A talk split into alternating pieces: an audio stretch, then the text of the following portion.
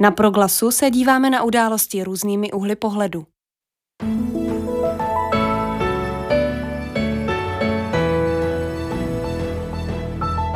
Třináct plus. Ptáme se a nasloucháme. 13 plus na proglasu. Aktuální dění v souvislostech. Začíná pořad 13 plus s datem 4. března 2022. Díky, že nás posloucháte. Dnes o ruské agresi na Ukrajině z pohledu mezinárodního práva, také ale o nočním útoku ruských jednotek na ukrajinskou záporožskou el- eh, jadernou elektrárnu a o obavách z jaderného nebezpečí. Klidný poslech přeje Ondřej Havlíček. Válku obecně považujeme za něco nepřípustného a děsivého. Státy mezinárodního společenství ji s hodným hlasem odmítají. Mocnější než zbraň je podle Jaroslava Hudky právo. Platí to ale i ve skutečnosti? Je mezinárodní válečné jak mezinárodní válečné právo funguje, co je v rámci ozbrojeného konfliktu možné a kdo za skutky v něm provedené odpovídá. Nejen na to se teď budu ptát právničky Kristýny Urbanové z katedry mezinárodního práva právnické fakulty Univerzity Karlovy. Dobré odpoledne. Dobré odpoledne. Paní Urbanová, i válka má svá pravidla. Z čeho vycházejí a jaká základní to jsou? Tak v mezinárodním právu jednak rozlišujeme eh, pravidla, které se týkají toho, kdy státy mohou použít sílu. Eh, to je takzvané jus eh, ad bellum a odpovídá nám to na otázku, za jakých okolností tedy státy mohou, zjednodušeně řečeno, vstoupit do války a po jakou dlouhou dobu ji mohou vést. Tento systém je založen na chartě OSN a stále nějakých obyčejných pravidlech. A základním pravidlem je, že použití ozbrojené síly je mezi státy zakázáno. Charta OSN a obyčejná pravidla rozeznávají dvě výjimky. První výjimkou je sebeobrana, což je tedy logické, to je, když je tedy nějaký stát již napaden, tak aby se mohl bránit, tak může se bránit tedy po ozbrojenou silou, to je v podstatě to, co dnes eh, dělá Ukrajina. Eh, tady k tomu se musí říct, že tato sebeobrana může být vykonávána i kolektivní formou, to znamená, že Ukrajina, pokud se prohlásí, že je napadená a požádá o pomoc, tak i jiné státy po jejím boku mohou do toho ozbrojeného konfliktu po právu vstoupit v takzvaném systému kolektivní sebeobrany. Druhou výjimkou, kdy mohou státy použít ozbrojenou sílu, představuje tzv. zmocnění Rady bezpečnosti OSN. K tomu tedy jak si nedošlo ani řekněme ve vztahu k tomu ruskému použití síly a dá se říci, že tedy to použití ozbrojené síly ze strany Ruska je protiprávní. Eh, k Radě bezpečnosti OSN i k chartě OSN se ještě dostaneme. Mm, vy jste mluvila o nějakých eh, základních pravidlech. Eh, ta platí úplně pro všechny státy světa, mm, zároveň, nebo, nebo je to jinak, protože vy jste taky zmínila, že částečně jde o obyčejové právo, částečně o právo zapsané v mezinárodních smlouvách nebo v chartě OSN. Tak jak jde tohle dohromady? Pro koho všeho to platí? Uh-huh. Eh, tak dá se říct, že tato zásadní pravidla týkající se uh, regulace ozbrojené síly jsou obyčejového charakteru. I, a to, že jsou tedy zapsaná současně v kartě OSN, na tom se mění. Tudíž platí pro všechny státy světa. To znamená, um aby mi to bylo úplně jasné, tak ještě tu otázku povedu dál. Znamená to, že pravidla platí i pro toho, kdo je žádným, i pro ten stát, který je žádným způsobem neodsouhlasil. Je to nějaká obecná zhoda eh, všech států, ale přitom některé nemuseli třeba dát výslovný souhlas. Tak to je podstatou, v podstatě obyčejných pravidel, které nejsou založena, řekněme, na koncentu státu. To je rozdíl mezi smlouvou, ano. A říkáte správně, že charta OSN je svojí podstatou mezinárodní smlouva. A na druhou stranu mezinárodním právu jsou pravidla určována i těmi obyčejnými pravidly, Obyčejová pravidla eh, mají jiný právní základ, řekněme založena na nějaké dlouhodobé ustálené praxi eh, států a takzvaném přesvědčení o právní závaznosti jiných států nebo stejných států. A je to poměrně složitá otázka, ale přesvědčení o tom, že něco je právně závazné, se odlišuje od toho, že s něčím souhlasíte, řekněme. Takže zatímco, abyste podepsali smlouvu, tak, musíte, tak s tím vyjadřujete souhlas, ale obyčejová pravidla mohou teoreticky vzniknout i bez vašeho souhlasu. Stačí, že je zde nějaká rozsáhlá univerzální ustálená praxe a k tomu při, se připojeno nějaké univerzální povědomí o tom, že tato praxe je právně závazná. Takže ano, ty obyčeje budou zavazovat i nečleny OSN. Vy jste mluvila o zákazu použití síly a o zákazu hrozby silou. Pokud některý ze států tyhle zákazy vyjádřené v chartě OSN, v základním dokumentu organizace, která združuje téměř všechny státy světa, pokud některý stát tyto, tato dvě pravidla poruší, co se stane?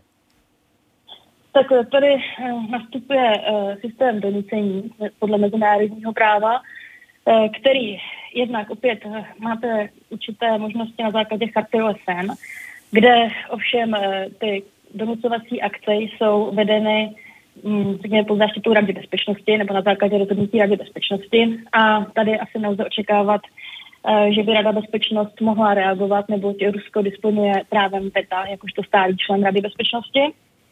Eh, potom ale všem existují i donucovací mechanismy v rukou jednotlivých států, a tady vidíte, to jsou například některé ty ekonomické sankce, o kterých uh, slyšíme nebo o kterých čteme každý den novinách. To jsou také donutovací opatření. Ano, teoretickou možností by bylo, aby Rada bezpečnosti tedy zmocnila státy, řekněme, k použití síly k odvrácení té ruské agrese. Je samozřejmě to jen teoretická možnost, protože, jak bylo řečeno, Rusko disponuje právem VETA v Radě bezpečnosti, tudíž nelze počítat s tím, že by uh, tato možnost uh, nastala reálně. Eh, to, co reálně tedy se děje, je ten výkon té sebeobrany ze strany eh, Ukrajiny a zde teoreticky by někdo mohl té Ukrajině přijít na pomoc. Ukrajina ostatně se prohlásila napadeno a i o tu pomoc žádá. Takže z hlediska práva to není problém, aby jiný stát na tu pomoc přišel a to i pomocí té ozbrojené síly a vlastně donucoval tímto způsobem to Rusko k respektování mezinárodního práva. To, jestli to bude politicky možné, to je samozřejmě jiná otázka. S právničkou Kristýnou Urbanovou z právnické fakulty Univerzity Karlovy v těchto minutách mluvíme na proglasu o mm, rozměrech mezinárodního práva v konfliktu, eh, tedy v ruské agresi vůči Ukrajině. Už jsme teď mluvili o zákazu použití síly, o zákazu hrozby silou, eh, roli OSN, roli Rady bezpečnosti a ještě se k ním vrátíme. Ale potom je tu také Mezinárodní trestní soud v Hágu. Jaký ten hraje v komplexu těch mezinárodních pravidel roli? Tak eh, mezinárodní právo eh, neupravuje pouze tu regulaci té, použití té ozbrojené síly mezi státy. Mezinárodní právo současně jak si akceptuje, že přece jenom k tomu použití té síly dochází. A obor tzv. mezinárodního humanitárního práva stanoví pravidla, jakým způsobem můžete potom tu válku vést. Tedy už akceptuje, že ta válka je vedená a reaguje na to, jakým způsobem. Zjednodušeně řečeno, například, jaké typy zbraní můžete používat. Některé typy zbraní jsou třeba zakávané. Nebo i jakým způsobem můžete používat ty dovolené typy zbraní. E, mezi ty základní principy toho humanitárního práva patří takzvaný princip e, rozlišování, e, což znamená, že musíte rozlišovat zejména mezi civilisty, což jsou osoby, které jsou chráněny podle humanitárního práva a nesmí být úmyslným předmětem útoku v rámci boje. Ob, obdobně to platí například pro rozlišování mezi civilními objekty a vojenskými objekty. E, tudíž také mezinárodní humanitární právo říká, že nesmíte úmyslně zaměřovat v rámci boje civilní cíle. A ten trestní soud mezinárodní hraje takovou roli, že řekněme ta závažná porušení mezinárodního humanitárního práva zakládají odpovědnost za spáchání tzv. válečných zločinů. A tady právě nastupuje trestní odpovědnost těch jednotlivých osob za spáchání těchto válečných zločinů. A mimo jiné je možné tyto osoby stíhat před tímto Mezinárodním trestním soudem v Hágu. A tady bych uvedla, že Mezinárodní trestní soud v Hágu díky eh, přijetí jurisdikce ze strany Ukrajiny, takzvaného jednorázového přijetí jurisdikce, má jurisdikci na činy, které se dějí na Ukrajině, a to ohledně válečných zločinů a zločinů proti lidskosti. Je to omezené právě proto, že Ukrajina ani Rusko nejsou smluvními stranami Mezinárodního trestního soudu. Nicméně, ohledně válečných zločinů a zločinů proti lidskosti jurisdikce Mezinárodního trestního soudu je nyní na Ukrajině dána a současně eh, včera ke včerejšímu dní již 39 států takzvaně oznámilo tu situaci na Ukrajině žalobci Mezinárodního trestního soudu, který se vyjádřil, že zahajuje již vyšetřování a současně se vyjádřil, že již teď má určité informace, ze kterých je přesvědčen, že tam dochází k páchání zločinů, které jsou v jurisdikci toho soudu. A pokud vím, tak už tam i nějaký vyšetřovací tým odjel na tu Ukrajinu, sbírat tedy určitě nějaké důkazy o tom, jestli jsou ty zločiny eh, tam páchány nebo ne. Jak moc, a... eh, omlouvám se, jak moc je podle no. vás reálné, že eh, Mezinárodní trestní soud v Hágu, i pokud eh, tedy v tom vyšetřování dospěje k tomu, eh, že ty zločiny byly spáchané, jak moc je reálné, že dosáhne na výníky a na ty jednotlivce, o kterých jste mluvila, kteří eh, za těmi zločiny stojí? Tak samozřejmě je to plně jako, uh, komplikované tím, že Mezinárodní trestní soud sice disponuje určitým omezeným tý, týmem vyšetřovatelů, na druhou stranu nemá žádné vlastní policejní orgány a je závislý na spolupráci tedy členských států, který tvoří ten Mezinárodní trestní soud. Tudíž musel by ty osoby nějaký stát zatknout a Mezinárodnímu trestnímu soudu předat. Na druhou stranu je pravda, že žalobce Mezinárodního trestního soudu postupuje opravdu bezprecedentní rychlostí. Tohle se většinou v historii nestávalo, aby takto rychle a akce schopně jednali. Pokud budou mít dostatek důkazů, které mohou na Ukrajině hm, pozbírat, eh, tak eh, a pokud například jim je předá ukrajinská armáda nebo nějaké politické lidé uprchnou do sousedních států, které jsou členy římského statutu, což může být třeba Polsko, eh, tak to reálně být může. Samozřejmě spravedlnost je dlouhá a může to trvat několik let. Eh, jak jsem sliboval, pojďme se ještě vrátit k Radě bezpečnosti OSN ta by, jak už jste, jak už jste sama říkala, mohla pověřit státy, dát jim tedy ten mandát k boji, k boji s Ruskem. Nicméně v Radě bezpečnosti stále zasedá pět stálých členů, kteří jsou tedy, kteří v ní zasedají od konce druhé světové války a jsou to právě vítězové druhé světové války a mají zároveň právo veta, toho teď i Rusko využilo, tak není s celou tou situací, kterou teď pozorujeme, čas eh, v tom mezinárodním společenství přehodnotit eh, jeho fungování nebo přehodnotit třeba fungování konkrétně Rady bezpečnosti OSN a jejich stálých členů? Eh, tak samozřejmě nelze vyloučit, že tento konflikt by teoreticky mohl vést k nějakému přeuspořádání těchto vztahů. Současně to je samozřejmě nějaká jako politická otázka, na kterou vám dovedu odpovědět, jestli se to stane nebo ne. Je pravda, že i uh, nad rámec tohoto konfliktu se tady již v historii objevovaly hlasy, že uh, to složení stálých členů Rady bezpečnosti již neodpovídá uh, geopolitické situaci, že jsou například na světové scéně noví silní hráči, kteří v době vzniku OSN Eh, buď nebyli ještě samostatní, nebo neměli takovou sílu. Jedná se například o Indii nebo Brazílii a některé takové státy by také velmi rády a samozřejmě dosáhly toho postavení stálých členů. E, nicméně to bude samozřejmě souhlasit, e, tak záviset na politické situaci a na tom, jestli se na tom členové OSN dohodnou nebo nikoliv. Tady je potřeba říct, že právního hlediska je to relativně obtížné, protože Eh, je to samotný text charty OSN, kdo určuje, kdo je stálým členem a eh, text charty OSN může být měněn pouze tehdy, pokud s tím bude souhlasit, eh, pokud tu změnu ratifikují dvě třetiny členů OSN, a to včetně stálých členů Rady bezpečnosti. To znamená všichni stálí členové Rady bezpečnosti hlediska práva, aby to bylo čisté, aby s tím museli souhlasit. Úplně poslední otázka, paní Urbanová. Začnu tak, eh, skončím tak, jak jsem, jak jsem začínal z toho, jak jsem vás poslouchal.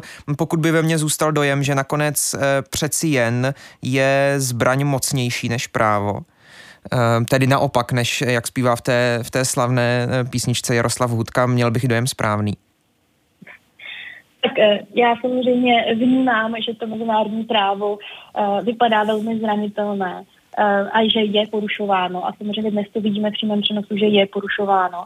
Eh, na druhou stranu, víte, každý právní systém je porušován. I na, na úrovni České republiky máme pravidla trestního práva a přesto eh, se dějí zločiny nebo trestné činy. To samé bohužel se děje i v samozřejmě na tom poli toho mezinárodního práva. Na druhou stranu taky vidíte, že jsou tady určité mechanismy, které reagují na to porušování a které fungují. Mimo jiné právě například i ty ekonomické sankce, které jsou velmi účinné. Jejich právní základ je také to mezinárodní právo. To znamená, uh, nějaké, nějakým způsobem ten systém funguje a na tu situaci je schopen reagovat. Říká právnička Kristýna Urbanová z Katedry mezinárodního práva právnické fakulty Univerzity Karlovy. Byla v uplynulých minutách naším hostem. Díky moc za váš čas naslyšenou. Naschledanou. 13 plus na proglasu. Aktuální dění v souvislostech. A my s děním na Ukrajině pokračujeme. Energetické bloky záporožské jaderné elektrárny na jihovýchodní Ukrajině zůstaly po dnešním ruském útoku nedotčeny. Přes, poškoz... Přes poškození pomocných budov reaktorového prostoru prvního bloku to nemá vliv na bezpečnost, jelikož systémy a komponenty důležité pro bezpečnost elektrárny jsou funkční a nebyly zaznamenány změny radiační situace. Uvedl to dnes ráno Český státní úřad pro jadernou bezpečnost. My máme nyní na telefonu ředitele tamní sekce pro jadernou bezpečnost Zdeňka, Zdeňka Tipka. Dobré odpoledne. Dobré odpoledne. Podle těch dnešních zpráv vypukl po nočním ruském mm, útoku na záporožskou elektrárnu v pětipodlažním výcvikovém zařízení požár, který se později podařilo uhasit. Ruské jednotky elektrárnu ovládly, na místě zůstávají zaměstnanci a kontrolují stav jaderných bloků. Eh, jak vy, pane Tipku, tuto zprávu čtete? O co tam z pohledu jaderné bezpečnosti jde? Pohledu jaderné bezpečnosti jsou všechny bloky záporožské jaderné elektrárny v bezpečném stavu. To už jste v podstatě řekl ve své úvodní řeči. Před tou událostí byly v provozu tři bloky, dva byly postupně řízeně odstaveny a jsou nyní dochlazovány. A v provozu zůstal čtvrtý blok na výkonu asi 60% zhruba. A také jste správně řekl, že tím výstřelem já jsem zaregistroval, že byl jeden projektil vystřelen na budovu školícího střediska. Byla poškozena právě jen ta budova školícího střediska, která je několik set metrů daleko od objektů, reaktorů a bezpečnostních systémů. Z pohledu jaderné bezpečnosti, jaderná bezpečnost je zajištěna, řekl bych, na normální úrovni. Samozřejmě to je technický pohled. Pokud je o tu situaci, elektrárna obsazená ruským vojskem, řízena ukrajinskou obsluhou. To samozřejmě není jednoduchá situace a musíme společně věřit, že bude umožněno té obsluze pracovat v rozumných podmínkách a třeba za nějakou dobu vystřídat směnu. Pokud by něco takového možného nebylo, to je nemožnost vystřídat směnu nebo dokonce nemožnost pracovníků vůbec eh, dál v jaderné elektrárně pracovat, to je něco, co by pro jadernou bezpečnost asi závažný problém představovalo. No tak oni dokážou obsluhovat tu elektránu i s, s nižším počtem, řekněme i třeba operátorů na blokové dozorně, než je předepsáno předpisy za standardního stavu, takže i s tím by se po nějakou dobu vyrovnali. Ale dokážete si představit situaci, že když normálně ty elektrárny jsou, bloky jsou stejného typu, jako máme v Temelíně, že předpokládám, že třeba na blokové dozorně jsou tam tři nebo čtyři lidé a směna jednoho bloku může být zhruba 20 lidí. Oni jsou schopni se zorganizovat nějak a obsluhovat ten blok třeba s polovičním počtem lidí budou schopni ho udržet i nadále v bezpečném stavu, nicméně asi nelze takhle pracovat dlouhodobě. Nevím, jaké tam mají kde přesně kryty třeba za účelem havárií z jiných důvodů, kolik tam mají potravin a tak dále a tak dále. Takže to je ten problém, který může časem nastat. A ty případné další scénáře, kolik eh, dá se vlastně říct, kolik těch možných scénářů je, protože eh, možná část lidí si automaticky při slově jaderné nebo při slovním spojení jaderné nebezpečí eh, vybaví třeba ty jaderné hřiby z Fukushimy, pardon, pardon, z Hirošimy, ehm, nebo něco podobného. Ehm, to je ale asi ten úplně nejhorší scénář. Existuje i něco trochu mírnějšího, co přesto, čeho bychom se i přesto měli bát scénářů podobných i velmi těžkých havárií a samozřejmě méně závažných situací, pokud jde zase z pohledu jaderné bezpečnosti, se v projektu jaderných elektráren uvažuje řada. A zase, kdybych měl nějak rozvíjet situaci, která teď je na Ukrajině, tak musel by nastat opravdu cílený masivní útok několika raketovými střelami na různé objekty každého toho bloku, aby došlo k poškození všech možných bariér. Ta nejdůležitější je současně ta nejviditelnější, to jsou ty masivní kontejmenty, to je železo, beton, armovaný, metr tlustý, Takže k tomuhle nejhoršímu scénáři s atomovými hřiby bychom se propracovávali i v případě cíleného útoku asi těžko a ty elektrárny jsou opravdu velmi robustní. To znamená, v tuto chvíli se Češi ani ostatní Evropané nemají čeho bát, eh, i přes ty zprávy, které vypadají často děsivě? Z mého pohledu v tuto chvíli rozhodně se nemáme čeho bát. Říká ředitel sekce pro jadernou bezpečnost státního úřadu pro jadernou bezpečnost Zdeněk Tipka. Byl naším hostem v uplynulých minutách. Moc mu děkuji. Děkuji vám za váš čas. Mějte se. Naslyšenou. Děkuji. Nashledanou.